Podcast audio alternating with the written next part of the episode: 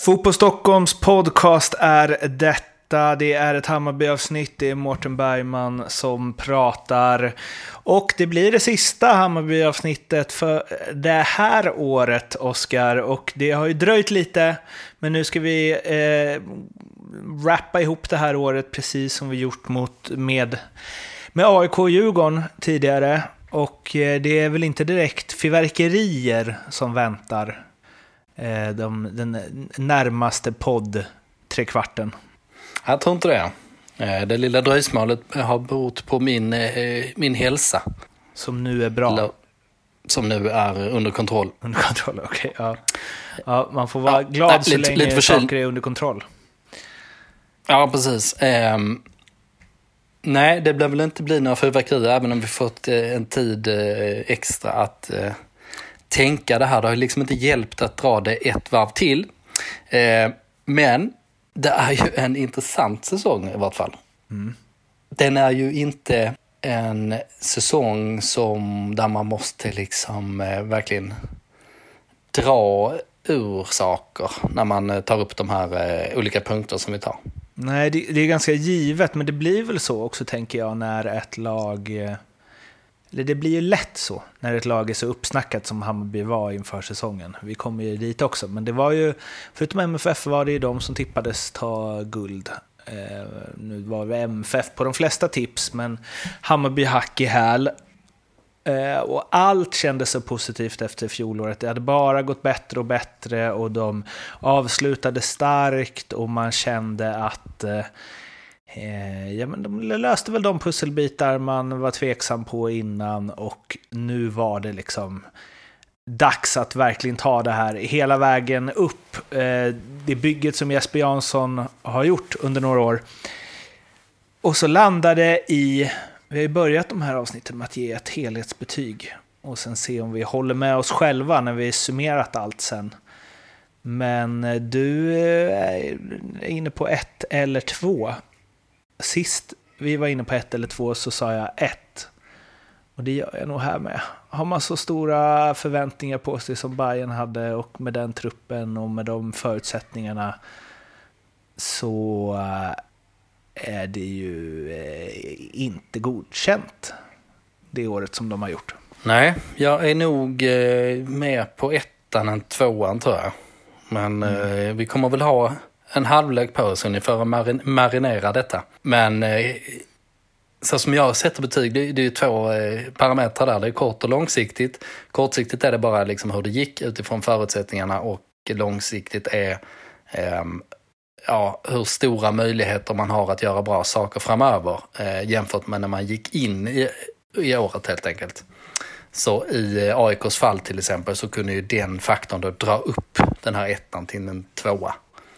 Så får vi väl se om vi, eh, om vi lyckas släpa upp eh, bottenbetyget när vi summerar. Mm. Det är en eh, drös, eh, höll jag på att säga, det är det inte, men det är en fyrling bra citat i alla fall när vi ska välja ut årets citat. Och det första är ju David Fällman som, eh, som gastade Spring eller byt. Och eh, det får mig att tänka på någon hockeytränare som jag glömt vem det var. Som sa något som jag också glömt vad han sa.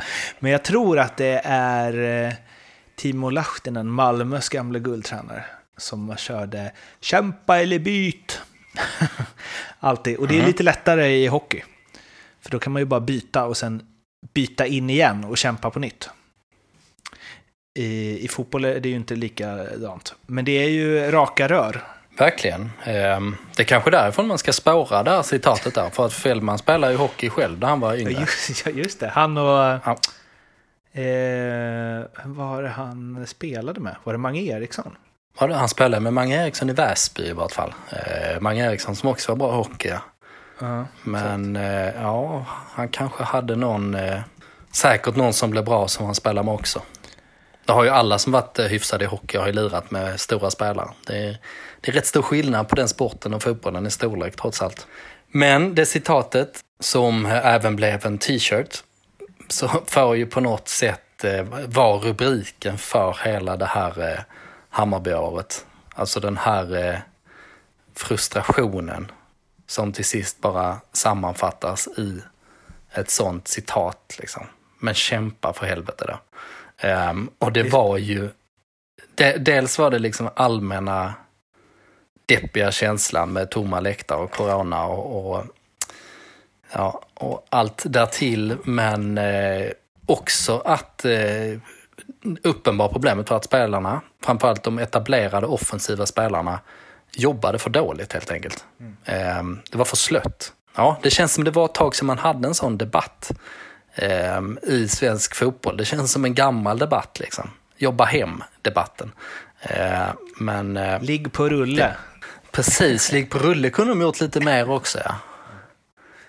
Um, det kommer vi till. Det kanske blir ligga på rulle nästa år. Um, och ett jävla springande dessutom. Mm. Men uh, ja, det är ett bra citat. Uh, vi valde bara ut fyra stycken här. Vi hade väl kunnat haft uh, um, fyra till av samma klass i stort sett. Men vi tog de som vi tyckte summerade säsongen bäst. Sen har vi herr Hjelmberg som ju fick Eh, frågan när Zlatan tränade med laget om hur, eh, hur det var att ha Zlatan där under försäsong. Och då sa han att eh, det är rätt odramatiskt för oss. Eh, och det är klart att det är det, när Sveriges genom tiderna bästa fotbollsspelare är nere på Årsta IP och kör kvadraten med eh, Simon Sandberg och kompani. Mm, och med den klubben som är mest otänkbar. ehm, också, om man hade backat ett år eller så. Mm. Om man skulle liksom sätta eh, Zlatan i någon svensk klubb. Det är väl klart att han hade varit eh, kanske inte, inte så eh, väntad i... i eh, jag vet inte fan, jag tycker Hammarby är längre från ändå. Men eh, liksom Gävle möjligtvis. Liksom. Men där hade han kunnat köra projekt på andra sidan. Mm. Nej, det var bara eh, när jag ringde Hjelmberg där, eh, eftersom, efter, eller efter att det kommit tips om att Zlatan tränade med Hammarby och han bekräftade det, fick man ju lite puls. Eh, åtminstone här, här hände ju någonting under, eh, liksom efter mån, eh, åtminstone en månad av absolut nyhetstorka. Så eh, la han till det, eh, att det var rätt odramatiskt. Och det är väl, eh, det är väl någonting när det var så liksom vid den tidpunkten var den största sportnyheten i Sverige, liksom utan, utan konkurrens. Men eh, det är ju så med Zlatan. Vi har, jag vet inte om det är den här eh, podden vi har tidigare konstaterat det, att, han, att man ofta pratar tvärtom-språket med Zlatan. Att proportionerna på allting blir så stora hela tiden, så man, man pratar Vrider tvärtom. på det helt åt andra det, hållet istället. Ja, det som Hjelmberg borde sagt är, och är ju, eh, ja det här är givetvis det sjukaste som har hänt i Hammarby på väldigt länge. Eh, I allsvenskan på väldigt länge. Ja, eh, men det är ju så det funkar. Zlatan har ju själv också alltid gjort det. Att eh, när han bryr sig väldigt mycket om någonting och han är väldigt irriterad på någonting så säger han ju att han inte bryr sig. Mm. Ehm, eller vem är det och sånt där.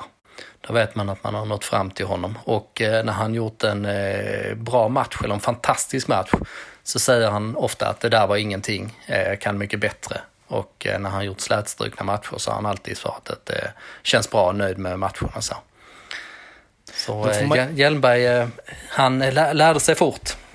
Då får man ju höra en annan stor svensk idrottare som man ska ta alla tillfällen i akt att höja, men Peter Forsberg. Han eh, sänkte ju, han var ju konsekvent, han sänkte ju alltid sig själv istället. Det spelar ju ingen ja, roll vad han hade gjort. Det var aldrig ja, tillräckligt den, bra. Ja, precis. Det är den andra modellen. Men um, en av få som jag tänker genuint faktiskt inte gjorde det av ödmjukhet, utan för att han inte tyckte att han hade varit tillräckligt bra. Han tyckte nog ofta ja, att han hade kämpat. Ja, just det. typ. Ja, det, det är andra, andra delen av eh, skalan där.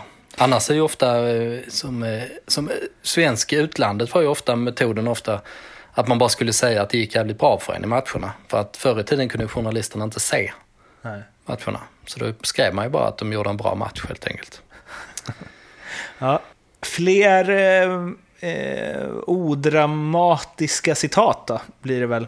Eh, Stefan Billborn fick ju eh, eh, frågan om det här med Nikola Djurdjic som vägrar träna för att Hammarby inte släppte honom till Kina eh, i en första vända. Och Hammarbys tränare Billborn säger då att det var fladdriga tider, kall på tråden. Som en underbart helt, eh, vad säger man, eh, undanledande manöver. Ja, eh, verkligen.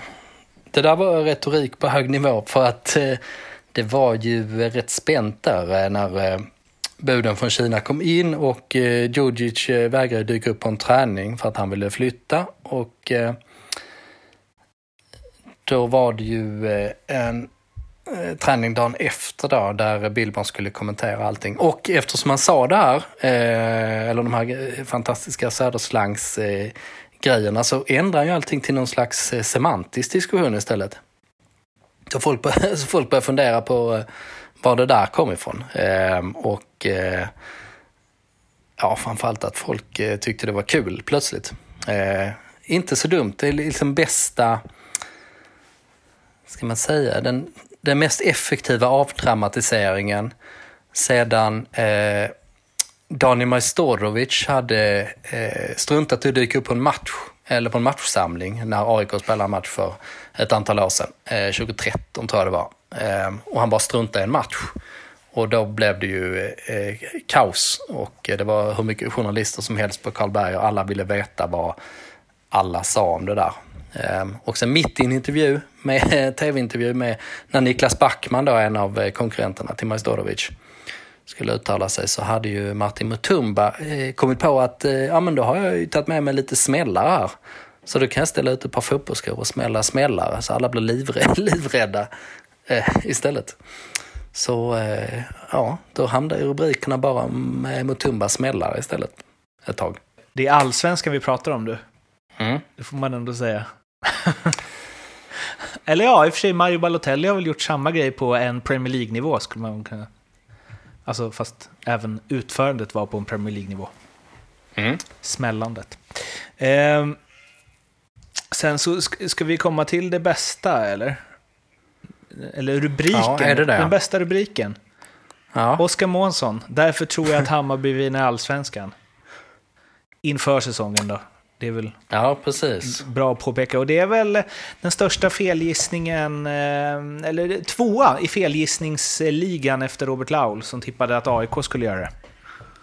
Ja, det är otroligt faktiskt att, jag hade, att det fanns någon som tippade sämre än det. Men eh, nej, så snett kommer jag nog inte vara på det igen. Ehm, att eh, man pekar ut ett lag som vinnare och det laget slutar åtta till sist på, utan att ens ha pl- plusmålskillnad. Så jag får väl eh, får äta upp den helt enkelt. Eh, dessutom är det ju en trend som, man, eh, som frångicks absolut i år, men eh, som jag tror vi kommer se liksom, på lite sikt, att, att allsvenskan skiktar sig mer och mer. Det blir liksom större skillnader i ekonomiska förutsättningar och så. Eh, Så därför är det ju svårt att tippa så mycket fel. Eh, så som jag gjorde. Så eh, ja, jag tar den. Nya tag. Årets Sliding Doors 1. Och då går vi tillbaka till eh, Nikola Djurdjic som eh, hade på något sätt symboliserat det här nya Hammarby, där det var viktigt att vinna, där man inte var nöjd med att bara spela fin fotboll, utan man mm, ja, man skulle alltid ge allt och man gjorde vad som krävdes för att vinna och eh, man kanske gick över gränsen ibland och man blev lack när man blev utbytt och man eh, skällde på lagkamrater, men man gick ändå i bräschen som han gjorde. Eh, och då kom ju Kina inte bara med en eh, pandemi utan också med massa pengar till Nikola Djurdjic. Och då var inte Bayern lika viktigt längre. Och man tänkte att han skulle saknas, men jag trodde nog inte att han skulle saknas så här mycket. Allt är Kinas fel. Det var alltså Oskar Månsson som sa det, om ni är någon, någon som lyssnar på det här. Nej, jag står för det. Det är ju objektivt där. Det är tydligt när man ser även eh, Djurdjic-fallet. Nej, men om, om man då ska eh, nyansera min, eh, eh, min eh, floskel blir det väl nästan va? Eller den rubriken. eh, om att Hammarby ska vinna allsvenskan. Så man hade ju en sån jäkla medvind när man gick in den här säsongen. Eh, förra året då hade man gjort eh, 75 mål, eh, nytt målrekord i en eh, 30 matchers serie. Ehm, man hade åtta raka vinster och ingenting tydde på att man skulle bli sämre. Det var ju snarare så att, eh, att man tänkte att Hammarby skulle kunna bli bättre. Ehm, det var som du var inne lite på i början där att, att eh, man hade byggt upp sitt, eh, sin trupp under ett antal år eh, och nu var man på toppen av den här cykeln som det ofta blir. Att man, man kunde unna sig att vara lite kortsiktiga, eller man gjorde det i vart fall.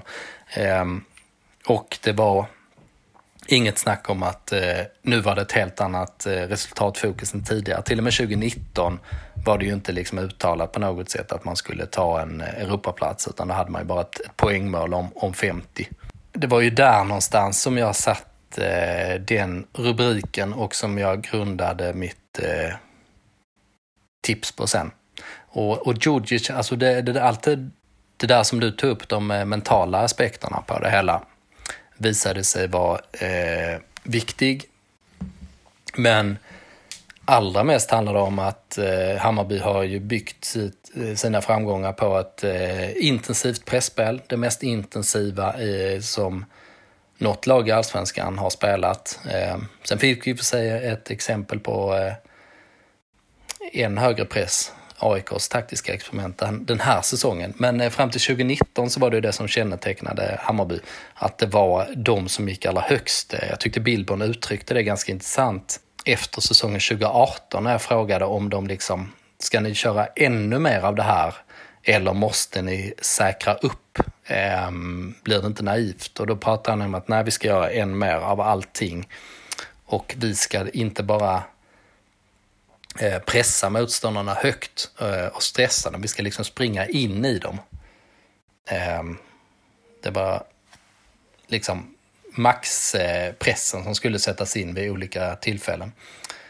Ehm, och Djurdjic var ju eh, som klippt och skuren för den rollen, bästa pressspelaren i allsvenskan. Ehm, tycker han var inte bara den här aggressiviteten utan också en eh, smarthet, hur han rörde sig och att han eldade igång sina medspelare och eh, liksom en sån jävla hunger på att vinna bollen. Och dessutom skulle jag nästan säga Ja, eh, åtminstone en av de viktigaste spelarna i uppställt spel också. Eh, underskattade den fasen. Eh, spelade enkelt, men lyckades nästan alltid göra något bra av varje enskild sekvens. Eh, och sen eh, hyfsat hyfsat farlig i boxen själv och, och kunde spela fram, liksom, så han kunde det mesta. Så att tappa honom och ersätta honom med eh, absolut ingenting eh, var ju en sån total scenförändring. För det var ju Paulinho som blev liksom paniknyförvärvet som Hammarby var jävligt nöjda med att, att få in. En liten crowd pleaser. Men crowd pleasers har ju ofta en, en tendens att inte bli så lyckade i, i längden. Det har, ju, har vi rätt många exempel på. Om man ska försvara lite, eller om man ska så här, att man inte lyckades ersätta honom. Det finns ju inte så många spelare av Nikola Djurdjic eh, som är stöpta i den formen. Eh, för ett pris som Hammarby kan ta. Riktigt. Alltså, det är ju det. Han var ju liksom inte så bra när de värvade in honom. Han var ju bra i Helsingborg och liksom Malmö under den tiden, men sen hade han ju varit lite på dekis och sen bara bam, passar han perfekt i Hammarby på alla sätt. Och det känns som om du ska få gar eh, garanti för att hitta en sån spelare, eller att få in en sån spelare, så kostar det mångdubbelt med, mot vad Nikola Djurdjic gjorde. Ja, så är det ju. Som också ska vilja är... spela i Hammarby. Absolut, det är jag med på. Eh, det, det ställer ju en krav, eller krav på en mång, mångsidig spelare. Ehm, och, eh, nej, så det var en svår situation när Djurdjic hade bestämt sig för att han ville flytta och ta miljonerna i Kina. Så hamnar man ju i en knivig sits. Mm. Så det ska man ju också ha med sig i eh, analysen. Men sen kan man väl konstatera att än så länge så har ju att ersätta honom med Paulinho blivit så dåligt som det kunde bli. Ehm, det vill säga att man tar in en tung spelare som kostar en del och som liksom har, eh, tar en, en större plats i truppen och eh, egentligen inte bidrar alls. Eh, och ja, fortsatt bara ett stort frågetecken för han har ett år kvar på kontraktet. Det hade varit bättre att inte ta in någon, helt enkelt. Ja, det hade ju faktiskt det. Ehm, Alltid lätt, alltid lätt att vara efterklok, men slutsatsen är ju definitivt den. Årets Sliding Doors 2. Vi är efter en inledning där det blivit eh, 2-0 mot Östersund, 2-2 Elfsborg. Ras i eh, derbyt mot AIK där Billborn eh, körde sitt Norling-komplex fullt ut. Och sen så en kupptorsk mot Blåvitt där Hammarby var tämligen överlägsna. Och jag kommer ihåg att du sa efter den matchen att Fan, de är på gång nu. Jag kan inte säga att det var dålig insats mot Blåvitt, utan man såg att nu är vändningen på gång. De åker till Mjällby, Strandvallen, eh, gör 1-0 innan det gått en minut genom Mujo Tankovic. Rickard Magyar blir utvisad runt 25. Och sen så följer en utspelning utan dess like, en kavalkad mot Bayerns mål. Det blir 21-3 i avslut mot mål. Eh, men de stretar emot tills den 88 då Mjällby, jag tror det är Ogbu, som sätter kvitteringen och sen så är det ju eh, allas våra favorit Bergström som gör 2-1 i 93. Kan vara tvärtom på målskyttarna. Och där någonstans så eh, börjar man väl fundera på om det där jättefina spelet mot Blåvitt eh, kanske bara var en tillfällighet. Och efter det så ha, de hamnade ju aldrig i liksom rätt spår egentligen. Utan det har varit lite Nej, och vi, fram och tillbaka. ja, vi pekar ut en match på förhand också. Ja, exakt. Så om, en, man, eh, eh, om, man, om man liksom bara väljer att köpa vår historieskrivning här. Mm. Så var det ju verkligen Sliding Doors-matchen, eller Sliding Doors-minuterna, de som du tog upp. Ehm, för att så som du sa, eh, 2-0 Östersund, 2-2 borta mot Elfsborg, det var en bra match eh, mellan två bra lag. Eh, derbyt mot AIK, konstigaste taktiken man någonsin sett i ett derby. Billberg gick bort sig helt, eh, sa ingenting. Alltså hade Hammarby bara spelat som vanligt hade de vunnit. Jag kan svära på det med tanke på AIK ut just då. Och sen precis som du sa, där, eller som vi konstaterar mot Blåvitt, att det var ju match, alltså Hammarby var ju liksom totalt överlägsna. Innan det kom en eh, ja, mycket märklig scenförändring med en utvisning och sånt där. Ja, och sen efter eh, Mjällby borta där, sen lyfte det faktiskt aldrig. Eh, sen gick det bara jävligt knackigt länge. Ehm, och eh, man undrade hela tiden, man liksom letade någon, efter de där tecknen på när Hammarby skulle liksom komma upp till nivån som man vet att de kan hålla. Man såg det liksom bara glimtvis där i matcherna. Men eh, nej, därifrån så var det ju egentligen bara, det var egentligen bara en jobbig säsong. ja, Med ett litet undantag som vi kommer till nu kanske. ett undantag som var ett sms. Det bästa som hände Hammarby 2020. Smset. Mhm. Eller? Det var när Jocke Björklund hällt upp en eh, stadig whisky på kvällen. Efter att ha Hemma i- sprungit 100 meter på 11-10. Ja, hemma i villan. Och så hade han nattat Kalle. Och, eh, och eh, skickade knappa iväg ett litet sms till Billborn. Fembackslinje imorgon. Man kan se hur han skrev det med bara pekfingret va? Ja, Och versaler bara. bara versaler. Så är det. Lite snus på pekfingret. Ja, nej, omständigheterna kan, varit, eh, eh, kan ha varit annorlunda än de vi beskrev. Men Vi eh, det var i alla fall så. var så. Ja, det var i alla fall inför derbyt mot Djurgården. Då vi hade haft bara en lång räcka av eh, eh, frustrerande insatser kan man väl egentligen säga.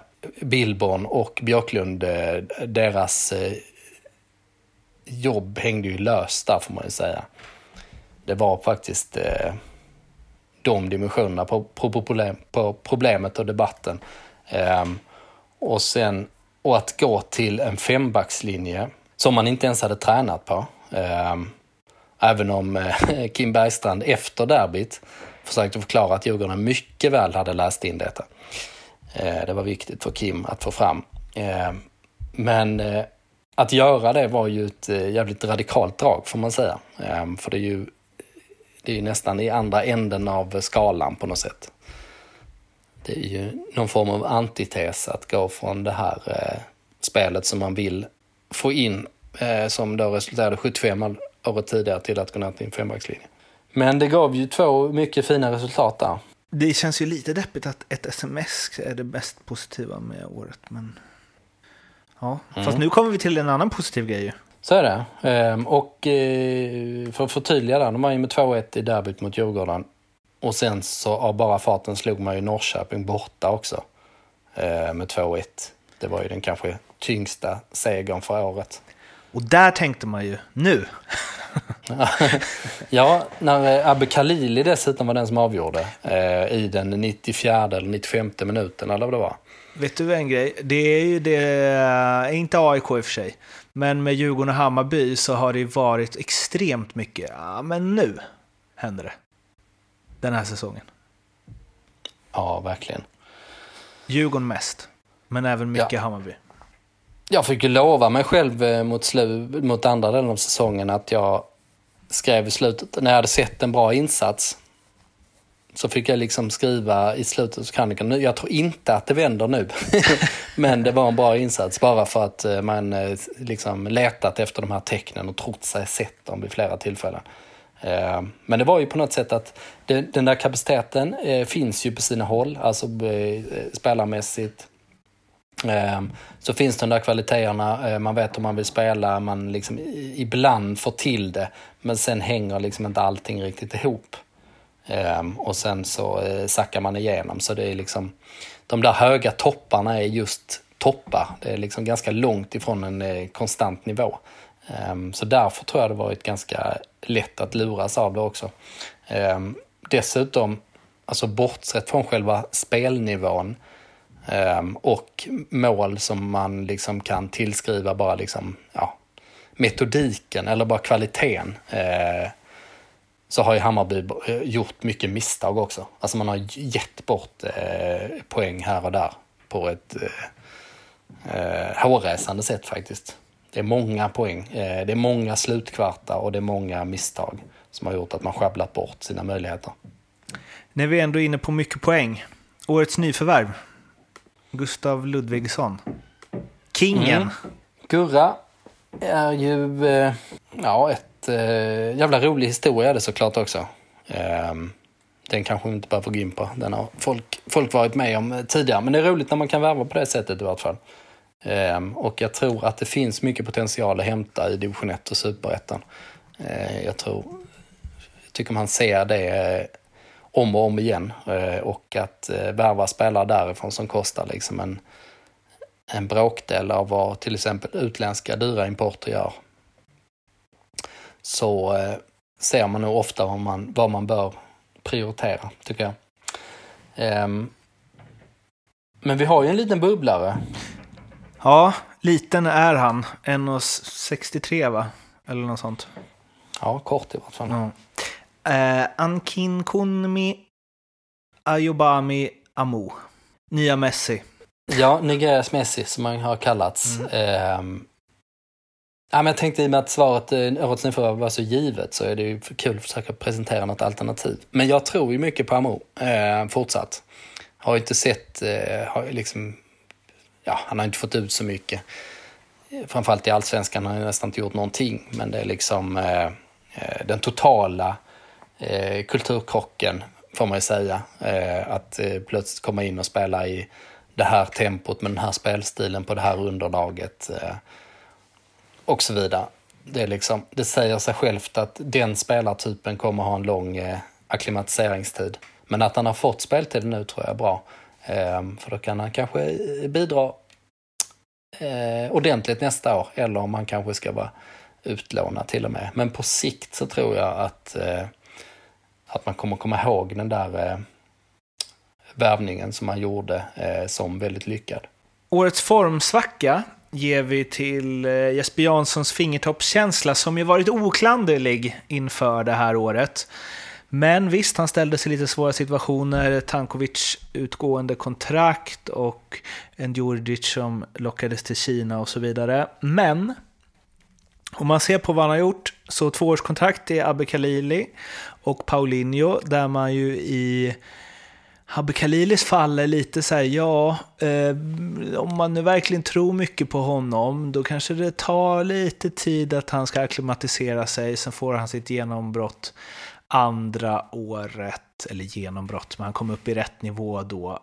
Och då ska man stå förlänga och han kanske lite locktoner från utlandet och vill tjäna lite extra pengar i ja, slutet av karriären, är väl fel att säga, men han är ju, men han är ju trots allt eh, 28 eh, och kommer ju vara 29 vid ett utgående eh, kontrakt. Dels det, och sen så har vi ju Paulinho då, som någonstans inte kommer lämna för utlandet eftersom ja, 34 bast, han har väl liksom två, tre år kvar i bästa fall om skador håller sig borta och så vidare. Han har haft ett krånglande knä rätt länge.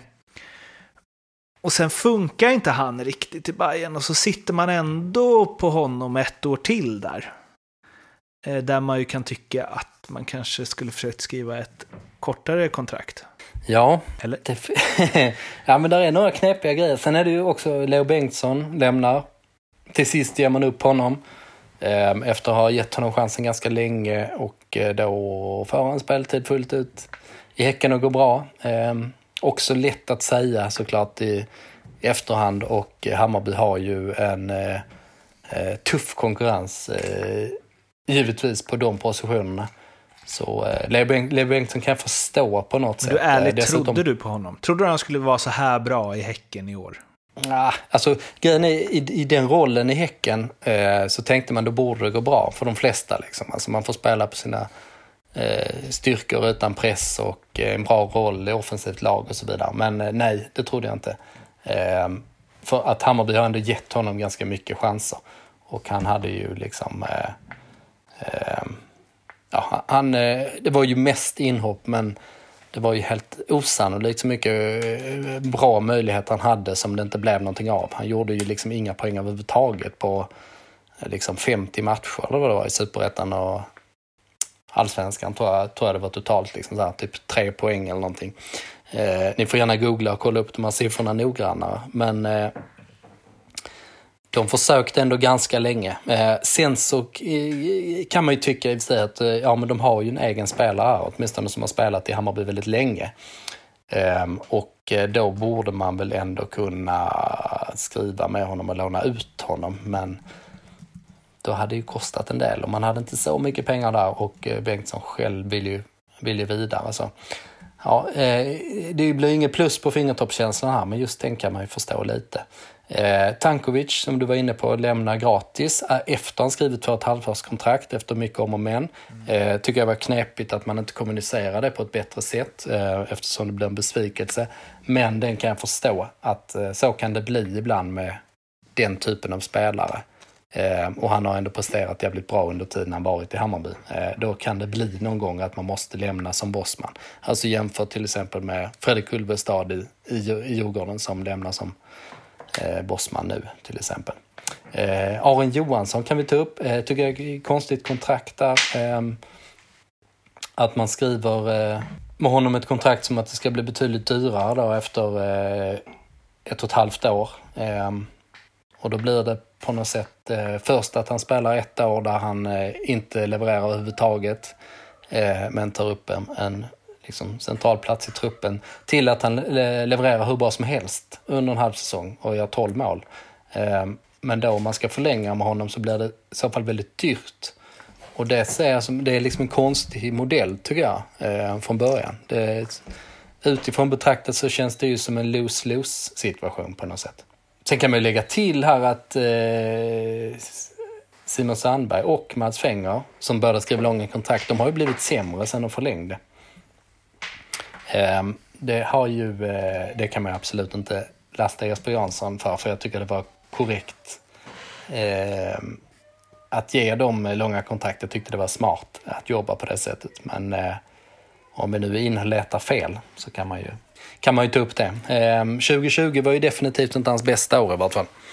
Eh, Gott nytt år, om Jesper. man- Om du lyssnar på det. Precis. Du får spola tillbaks till eh, 20, 2019-sammanfattningen istället. Om du vill ha lite självförtroende-boost. Årets bästa spelare enligt våra betyg, snittet alltså, efter det vi satt efter varje match. På tredje plats har vi Gustav Ludvigsson, 2,63 på 27 matcher. Andra plats, Darjan Bojanic, 2,75 på 20 matcher. Och etta, Mujo Tankovic, 2,85. Dock bara på 13 matcher. Och där man sk jag skulle vilja säga trean och ettan är föga förvånande. Bojanic lite mer förvånande att han hade så högt ändå. Ja, precis. Och så går vi till oss själva och konstaterar att vi har överraskat oss själva i så fall. Mm. Eh, Tankovic gjorde ju faktiskt en del bra insatser där på våren så det var inte helt eh, oväntat. Däremot liksom 2,85, det ska man sätta relation till eh, 2019-säsongen. Jag tror han låg på 3, eh, över 3,2 där. Och det är, det är rätt stor skillnad trots allt. 3,2 över en hel säsong också. Eh, 2,85. Vad har man om man är ja. bäst i serien tror du? Ja... Vad hade Christiansen? Ja, vi har inte, har inte räknat på det. Jag får sätta eh, Fotbollsskåne-gänget på... Mm. Få ihop det. Kan man ha 3,7 eh, jag vet, jag vet att Marcus, jag vet att Marcus Danielsson låg på 3, eh, tror jag, mm. förra säsongen. Det låter rimligt.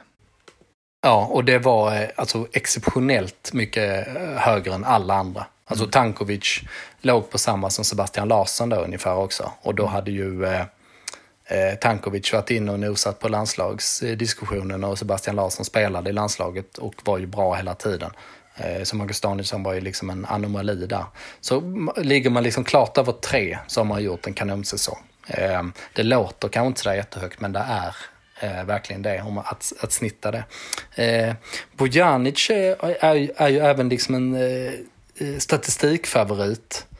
Ehm, Oavsett vilka statistiktjänster man tittar på. Men han har ju, så som jag ser det, är det liksom två skäl till att man blir överraskad eh, av det. Eh, ett då som jag inte tycker statistiktjänsterna eh, tar riktigt i beaktning tillräckligt mycket, det är att, att Bojanic får ju en playmaker-roll hela tiden.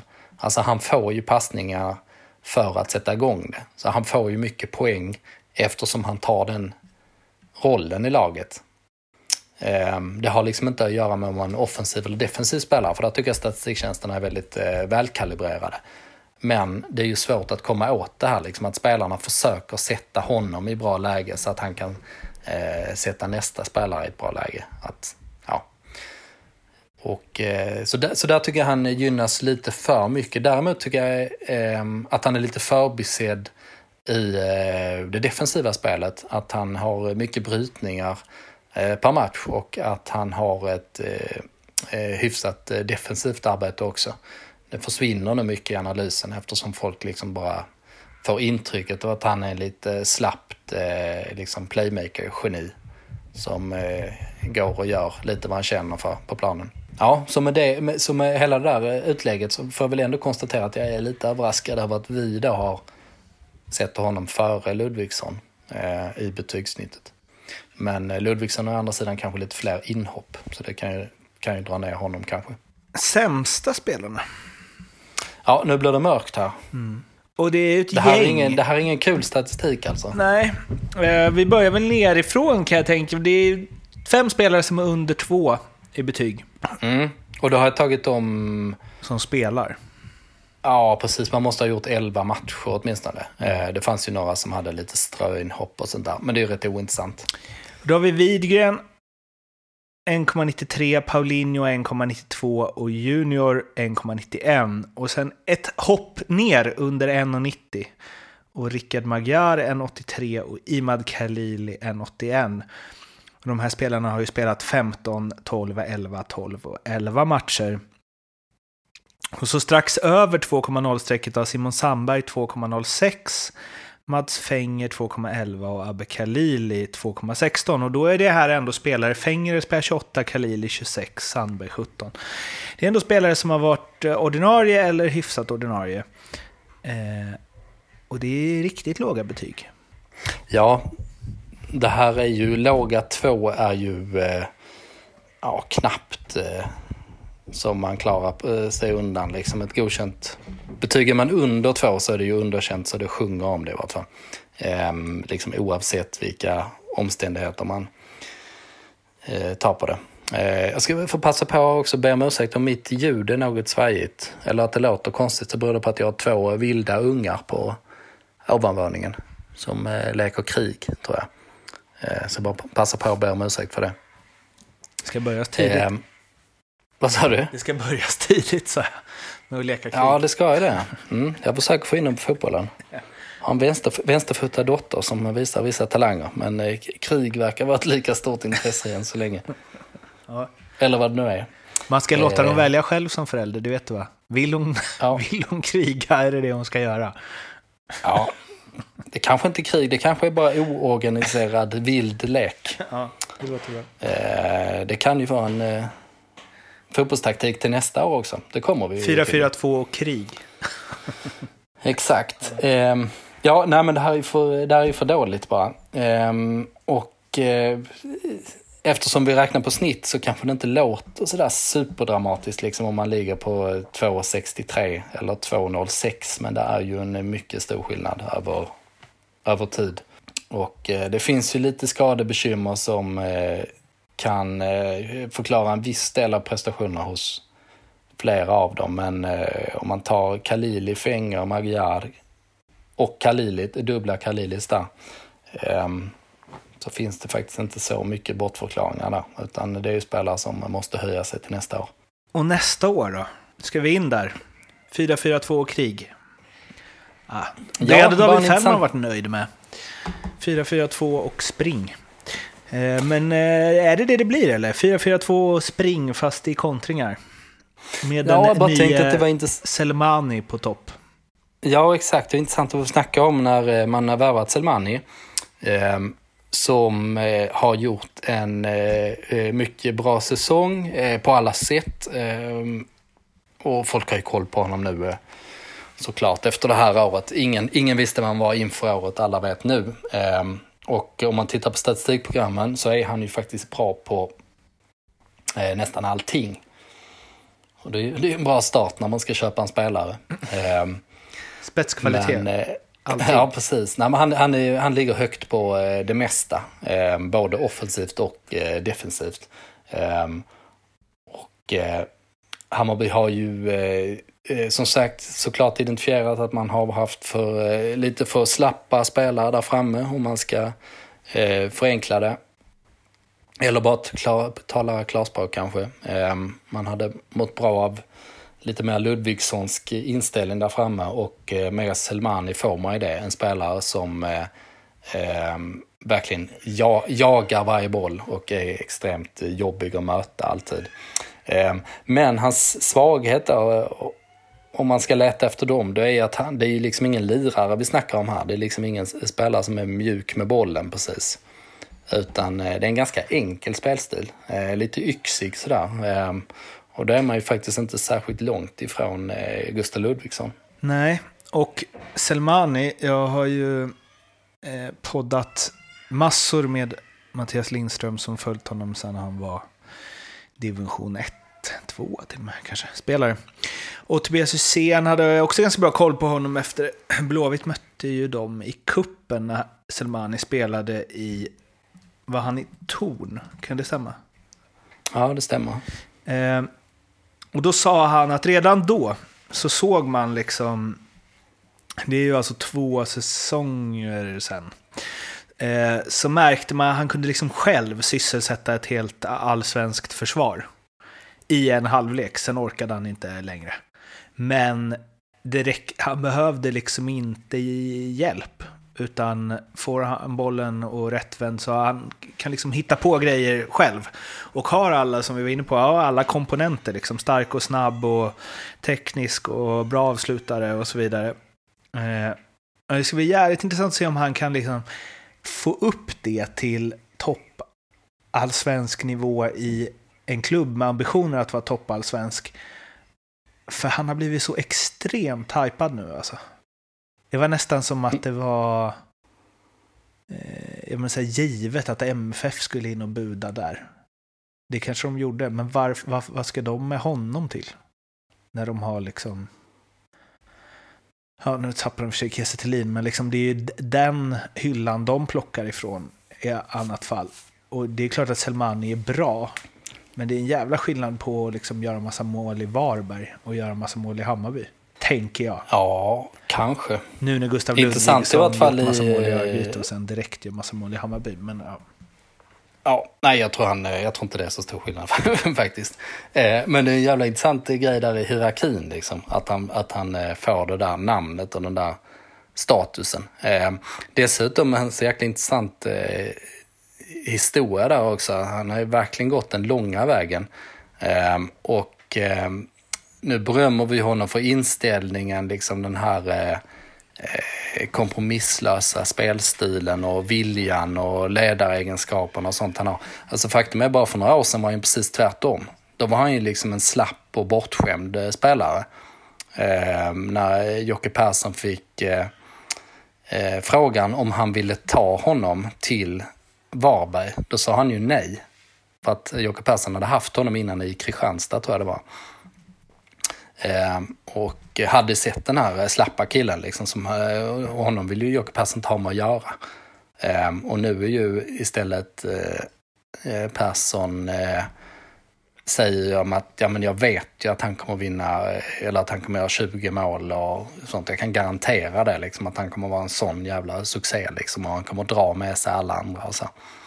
Så intressant eh, förändring där. Eh, och 4-4-2, då tänkte jag ju på eh, det som gör det lite knepigt här är ju hur man ska ställa upp laget såklart.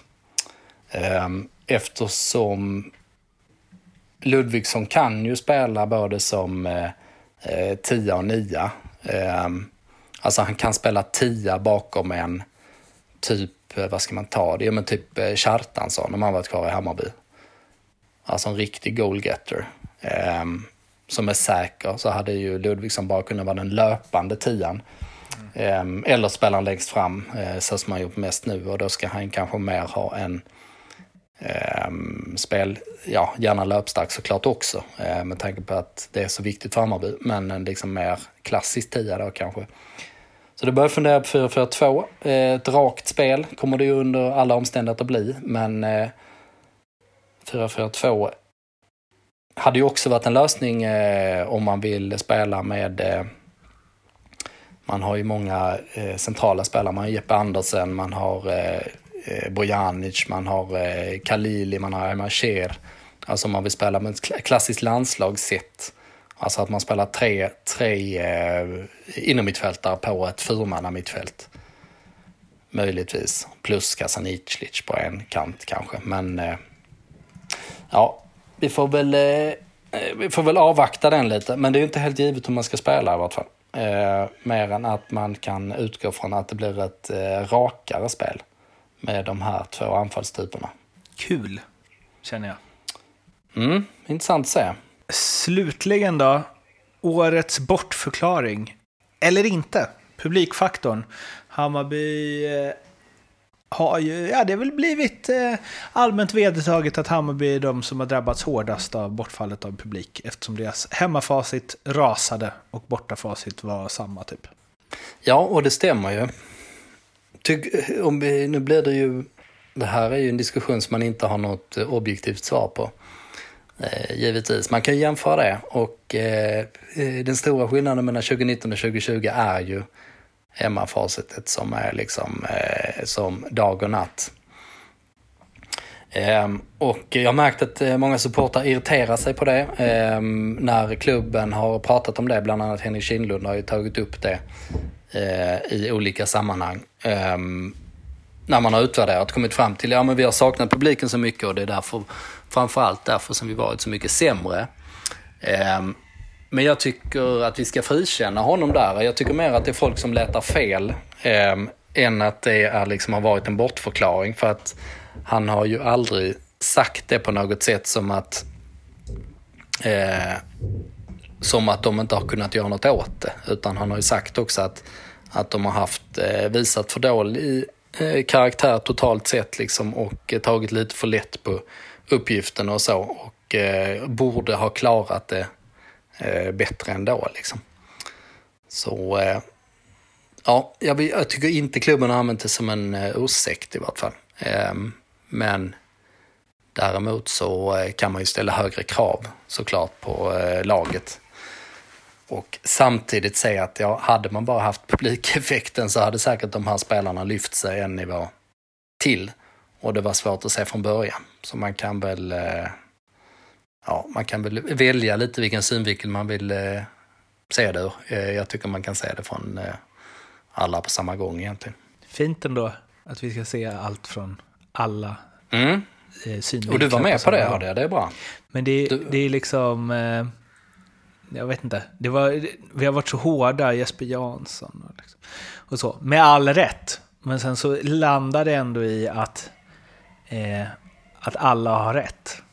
Eller? Ja, var det det vi landade i? Kanske. Inget är fel snarare. Det Nej, det. ja, men, det, men man, man får ju skilja på liksom, eh, vad som är vad, eh, helt enkelt. Ja. Man kan ju faktiskt eh, ha två tankar i huvudet på samma gång, eller tre möjligtvis. Visdomsord nu. Man får skilja på vad som är vad och inget är fel men allt är inte rätt. Så är det. Så är det. Det var en timma om Hammarbys år 2020, lite, lite, lite om året som kommer. Men vi måste ju gå tillbaka, spola tillbaka hela vägen till början. Och jag frågar Oskar, ditt betyg. Du var mer inne på en etta än tvåa. Vad landar det i då? Nu, Mm. när vi utvärderat. la- var, var landar du? Mm, vad fina slutord, men jag tycker fortfarande att det är en etta. Ut, utifrån förväntningarna, en etta. Icke Mm. godkänt. Nej, jag eh, drämmer också till med en etta faktiskt. Ehm, kortsiktigt, en etta eh, bör man inte utveckla. Eh, långsiktigt är det ju faktiskt så att ja, men det ser rätt hyfsat ut för Hammarby fortsatt. Ehm, man har eh, ändå ganska mycket på eh, plats. Man har liksom professionaliserat klubben på många sätt. Eh, man har vanligtvis höga intäkter på de här konstanta intäkterna. Om vi bara vaccinet bara fungerar som det ska så kommer man tillbaks där ganska fort. Man har unga spelare i, i Frej inte minst som jag tror kan bli, Eh, betyda väldigt mycket på sikt. Ehm, jag tror inte man har eh, ens börjat ana vad det här projektet betyder. Alltså man, om man struntar i liksom hela den ideologiska debatten utan bara ser till liksom mängden talanger som Hammarby kan få fram på så sätt och vad det, vad, och vad det kommer att betyda. Eh, men ett sista Glenn Strömbergs eh, men för året så har ju Hammarby inte eh, Alltså anledning till att de har gynnsamma förutsättningar eh, framöver handlar ju inte om 2020 utan det handlar liksom snarare om eh, åren innan skulle jag säga. Och man har även gjort då, framförallt de här kontrakten som vi pratar om eh, med sportchefs eh, fingertoppskänslan just det här året har gjort att man, man har inte bättre förutsättningar nu än man hade inför året. Eh, så det betyder att eh, då kommer vi inte höja den där ettan heller. Så är det. Det, var, Så det kan bara bli bättre till nästa år. det är positivt på sätt och vis ändå. Vi finns på sociala medier. Eh, Twitter, Instagram, Facebook, Fotboll Stockholm är det som gäller överallt. Håll utkik för vad som händer med oss under kommande månader. Det kan hända att det hintas lite nyheter på sociala medier. Eh, I övrigt vill vi önska gott nytt år. Och sen så hörs vi när vi hörs. Ha det bra. Hej då. Hej då!